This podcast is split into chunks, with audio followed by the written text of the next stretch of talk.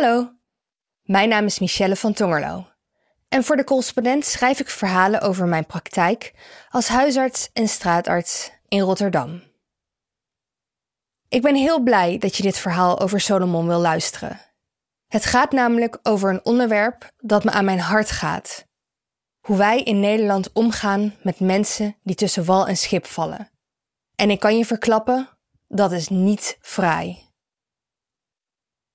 Iedere ochtend om 8 uur start Solomon, 51 jaar, met vuilprikken.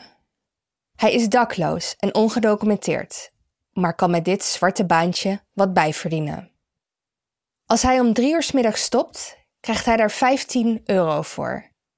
Tenzij hij in de avond ook doorprikt, dan krijgt hij een tientje extra. Hij koopt er eten van, vertelt hij me, als we afspreken op zijn werkplek. Als je Solomon ziet, zou je niet zeggen dat hij op straat leeft. Hij ziet er doodgewoon uit, loopt op gimpen, in keurige spijkerbroeken en truien. Die mag hij wassen op de plek waar hij ook zwart werkt. Hij is wel bespraakt in zelfs vijf talen. Is vriendelijk en heeft in alle keren dat ik hem heb ontmoet nog nooit geklaagd. En dat is opmerkelijk, want hij heeft er alle redenen toe. Solomons levensverhaal laat namelijk zien hoe steeds strengere wetten en regels ertoe hebben geleid dat mensen zoals hij niet meer uit de armoede en ellende kunnen ontsnappen. En dus gaat hij iedere avond, nadat hij een dag lang het vuil van anderen van de straat heeft geraapt, op zoek naar een bed op straat. Ik ontmoette Solomon via mijn patiënt Amro, over wie ik al eens eerder een stuk schreef voor de correspondent. Ze zijn vrienden en hij sloot een keer aan toen we kip gingen eten. Eén keer kip werd meer keer kip eten en zo leerde ik langzaamaan steeds meer over zijn leven. Solomon vertelt me dat hij op zijn achttiende uit Ethiopië vluchtte. Hij bracht een aantal jaren door in Sudan en kwam daar weer weg door zich te verstoppen in een olietanker. Het idee was naar zijn broer in Amerika gaan, maar bij een controle in Nederland werd hij van het schip gehaald. Rond 1992 kreeg hij een tijdelijke verblijfsvergunning en verhuisde hij naar de Randstad om te gaan studeren. Daar begon hij te experimenteren met drugs. Eerst een beetje, maar snel meer.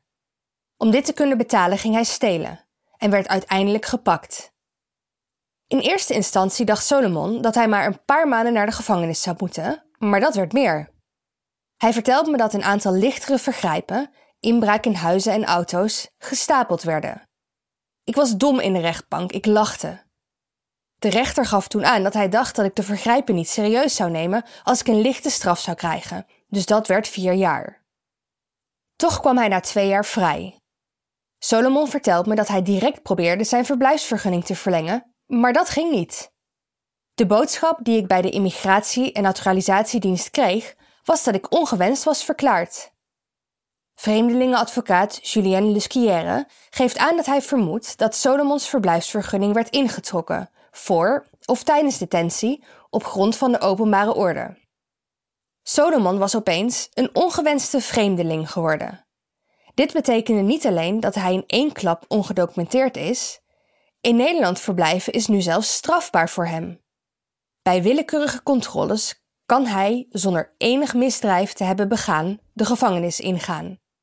Ook maakt hij nergens meer aanspraak op.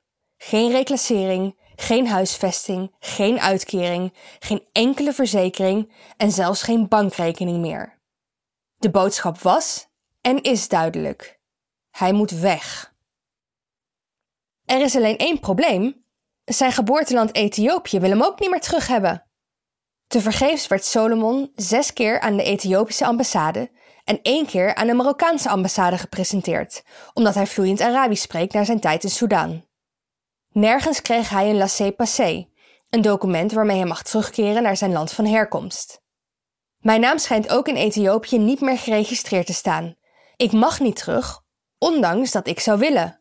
Alles beter dan hier wisselend op straat en in een detentiecentrum slapen. Solomon is nu nergens gewenst. Nergens heeft hij een identiteitsbewijs. Zou hij naar Ethiopië willen teruggaan, dan kan het alleen op een illegale manier, wat weer de risico's van een traumatische smokkelroute met zich meebrengt. Maar zelfs als hij hiertoe bereid is, heeft hij er geen geld voor. Hij vertelt mij dat hij niet weet wat hij moet doen. De consequenties van zijn verslaving blijken voor Solomon enorm. Echt vrij kwam hij nooit meer. Vanaf nu moest ook hij gaan overleven in een land waar iedereen meer rechten zou hebben dan hij.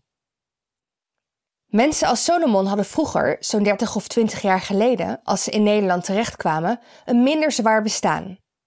In de jaren 90 was er nachtopvang voor hen beschikbaar, of ze nu een verblijfsvergunning hadden of niet. Ook zwart bijklussen was niet zo'n probleem. Maar langzaamaan werd het overheidsbeleid steeds restrictiever. In 1994 trad de wet op de identificatieplicht in werking. In 1995 verbood de wet arbeid vreemdelingen hen te werken. En in 1998 sloot de koppelingswet de toegang tot vrijwel alle publieke voorzieningen af, zoals maatschappelijke opvang, bijstand, AOW, WAO en toeslagen. Het idee was dat totale uitsluiting zou zorgen voor terugkeer. In praktijk gebeurt dat niet, omdat dat vaak helemaal niet meer gaat, zoals we bijvoorbeeld bij Solomon zien.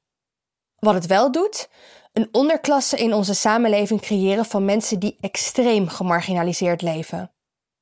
Iedere week zie ik vanuit mijn straatartspraktijk hoe zij uitgebuit worden. Nog het ergste door mensen die het zeggen goed te willen doen. Ik heb een patiënt van bijna 70 jaar oud met eelt op haar handen. Die werkt als kindermeisje voor iets meer dan 30 euro per week. Ze kreeg kanker, maar zorgde wel dat ze drie dagen na de operatie weer direct aan het werk kon.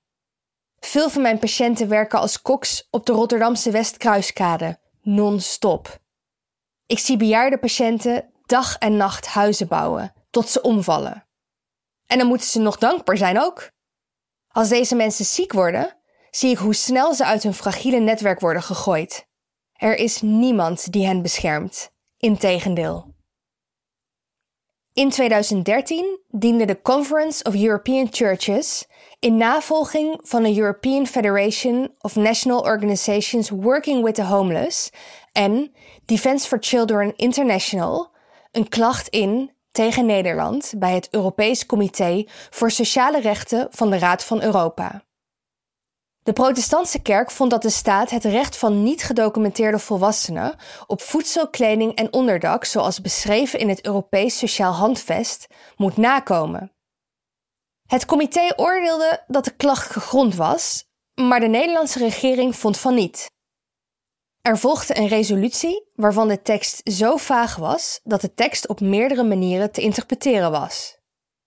Mij leerden al die aantijgingen tegen de Nederlandse staat vooral dit. Hoewel verdragen zoals het Europees Sociaal Handvest worden ontwikkeld door dezelfde staten die verantwoordelijk zijn voor de implementatie, kan een land toch besluiten het verdrag een beetje naar zijn eigen politieke smaak te interpreteren. Vervolgens blijken er geen harde mechanismen te zijn voor organisaties of individuen om de rechten zoals beschreven in die verdragen af te dwingen. Een land krijgt misschien wat forse tikken op de vingers maar kan dat zonder al te veel consequenties verder gewoon negeren. Simpeler gezegd, er is in Nederland blijkbaar voldoende ruimte om mensen mensenrechten te onthouden, omdat met name de sociale grondrechten door onze overheid als minderwaardig worden beschouwd. De gevolgen daarvan, die zie ik bijna iedere dag. Nadat hij vrijkwam, had en kon Solomon niks meer. Hij viel kort terug in gebruik, maar realiseerde zich dat dit zijn problemen groter zou maken. Hij kikte zelfstandig af, sindsdien heeft hij nooit meer gebruikt. Hij kreeg een relatie, maar die liep na een aantal jaren stuk op zijn staatloosheid, vertelt Solomon. Om zijn ex-vriendin niet bezorgd te maken, loog hij dat hij woonruimte had. Hij gaf haar zijn laatste geld en ging zelf terug de straat op. Ik weet zijn ex-vriendin op te sporen en zij beaamt Solomons verhaal. Ze is hoogst verbaasd en verdrietig dat Solomon al jaren op straat slaapt. Toch was dat zo, tot het moment dat ik hem voor het eerst zag. Soms waren er vaste plekken, zoals een boedelbak bij een tankstation. Daar sloop hij iedere avond in, met stille toestemming van de Joegoslavische schoonmaker die hem stiekem broodjes gaf. Die deelde Solomon weer met andere dakloze vrienden. Hij sliep daar prima, zegt Solomon me tijdens een autoritje op weg naar een tijdelijke slaapplek. Hij vergeet zijn gordel om te doen, want in een auto zit hij nooit. Ik werd niet nat en de bak waaide niet om. Het is overleven, wat kan ik erover zeggen? Zoals ik al schreef, Solomon is niet zo'n klager. De afgelopen jaren creëert de Europese Unie steeds meer mensen die moeten leven als Solomon en Amro. Niet alleen door ons strenge beleid binnen onze grenzen. Nederland binnenkomen is namelijk ook steeds moeilijker. De Europese Unie sluit onzuivere overeenkomsten met landen die niet tot de EU worden toegelaten vanwege hun schending van mensenrechten en zet deze landen vervolgens wel in om mensen tegen te houden. Het strenge visumbeleid dwingt mensen ertoe op een illegale manier naar Europa te reizen. Niet alleen zijn deze routes vaak dodelijk, de grens met Europa is de dodelijkste grens ter wereld, ook raken migranten vaak getraumatiseerd doordat ze door smokkelaars en grenswachten zijn bedreigd. Van vrouwen heb ik gehoord dat zij onderweg voortdurend seksueel worden geïntimideerd, aangerand en zelfs verkracht. En vervolgens kom je aan op een bestemming waar je wederom in een heel lastige positie zit. Je verplaatsen zonder papieren lijkt steeds meer te worden gezien als een criminele daad. Het onderwerp migratie is zelfs verschoven van het ministerie van Sociale en Arbeidszaken naar Justitie en Veiligheid. Mensen op zoek naar veiligheid worden gezien als het veiligheidsprobleem. Zo was ik in een zomer betrokken bij de opvang van migranten die in een havencontainer waren gevonden. Het was snikheet en mijn oog viel op een hoogzwangere vrouw. Toen ik aangaf dat ik haar wilde onderzoeken, werd de angstige vrouw naar mij toegebracht door drie gewapende mannen van de Koninklijke Marechaussee. Die weigerden haar alleen te laten. Maar zwangere vrouwen in deze positie zijn kwetsbaar. En praten met drie gewapende mannen naast je maakt een stressvolle situatie alleen maar stressvoller. Een beschaafd land zou haar juist moeten beschermen. In plaats daarvan werd zij behandeld als een crimineel. Zelfs een tolkentelefoon voor haar bellen was te veel. Ze moest vooral snel door naar het detentiecentrum. Op deze manier bestrijdt Nederland de symptomen van ons eigen beleid. Want als je als migrant dit alles overleeft, dan ga je natuurlijk ook niet zomaar weer weg. Deze mensen leven hier voort, in limbo, kunnen niks bijdragen, maar kosten wel veel geld. Wekelijks zie ik mensen tussen straat, ziekenhuis en detentie rondgeschoven worden. En wat schieten we ermee op? Mensen blijven toch komen. Het beleid dat we kiezen verandert hooguit het karakter van migratie, van regulier naar irregulier. Maar belangrijker, een groot onderzoek in Spanje liet zien dat de legalisatie van 600.000 immigranten niet zorgde voor een aanzuigende werking, terwijl het de economie wel een boost gaf. Dat verbaast me niks. Mensen als Amro en Solomon zijn goud waard voor onze maatschappij. Vijf dagen in de week staat Solomon om 7 uur ochtends op vanuit een portiek, bankje of park om uren achter elkaar vuil te prikken waarna hij in de stad rondhangt tot het donker is en hij weer naar zijn slaapplek durft te gaan. Dat doet hij bijna iedere dag. Hij zou denk ik prima als tolk kunnen werken, maar heeft ook een opleiding gedaan in de bouw, een sector waar we in Nederland juist grote personeelstekorten hebben. Toch worden in Nederland liever arbeidsmigranten vanuit de hele wereld geworven dan dat we hem een tweede kans zouden geven. Terwijl deze man het doorzettingsvermogen heeft om vanuit de straat af te kicken. Dat mannen als Solomon en Amro, ondanks dit alles, zo levenslustig blijven, dat is wat mij betreft een godswonder. De onmenselijke situatie waarin mijn patiënten zich bevinden, kan ik niet oplossen. Me om hen bekommeren kost veel energie. Ze bestaan voor de Nederlandse staat niet, dus ik sta per definitie voor een gesloten deur. Soms slaap ik er minder om. Maar hoe ellendig ook, ik zie altijd nog de mens die voor me zit. Die overeind blijft en met wie ik contact kan maken. Die er is. Door een oproep op social media heb ik Solomon een tijdelijk huis kunnen geven en hopelijk straks nog iets meer. Met zowel Solomon als Amro start ik een rechtszaak voor een verblijfsvergunning.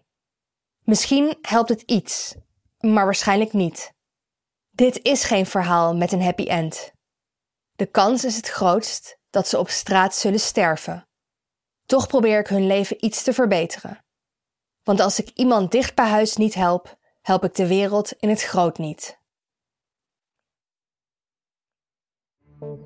Het is de missie van de correspondent om voorbij de waan van de dag te gaan. Onze correspondenten voorzien het nieuws van context en schrijven over de grote thema's van deze tijd. De correspondent geeft me de vrijheid om mijn nieuwsgierigheid te volgen en de tijd om verhalen te schrijven. En zo probeer ik onzichtbare structuren zichtbaar te maken en een andere kijk te bieden op debatten die het nieuws domineren.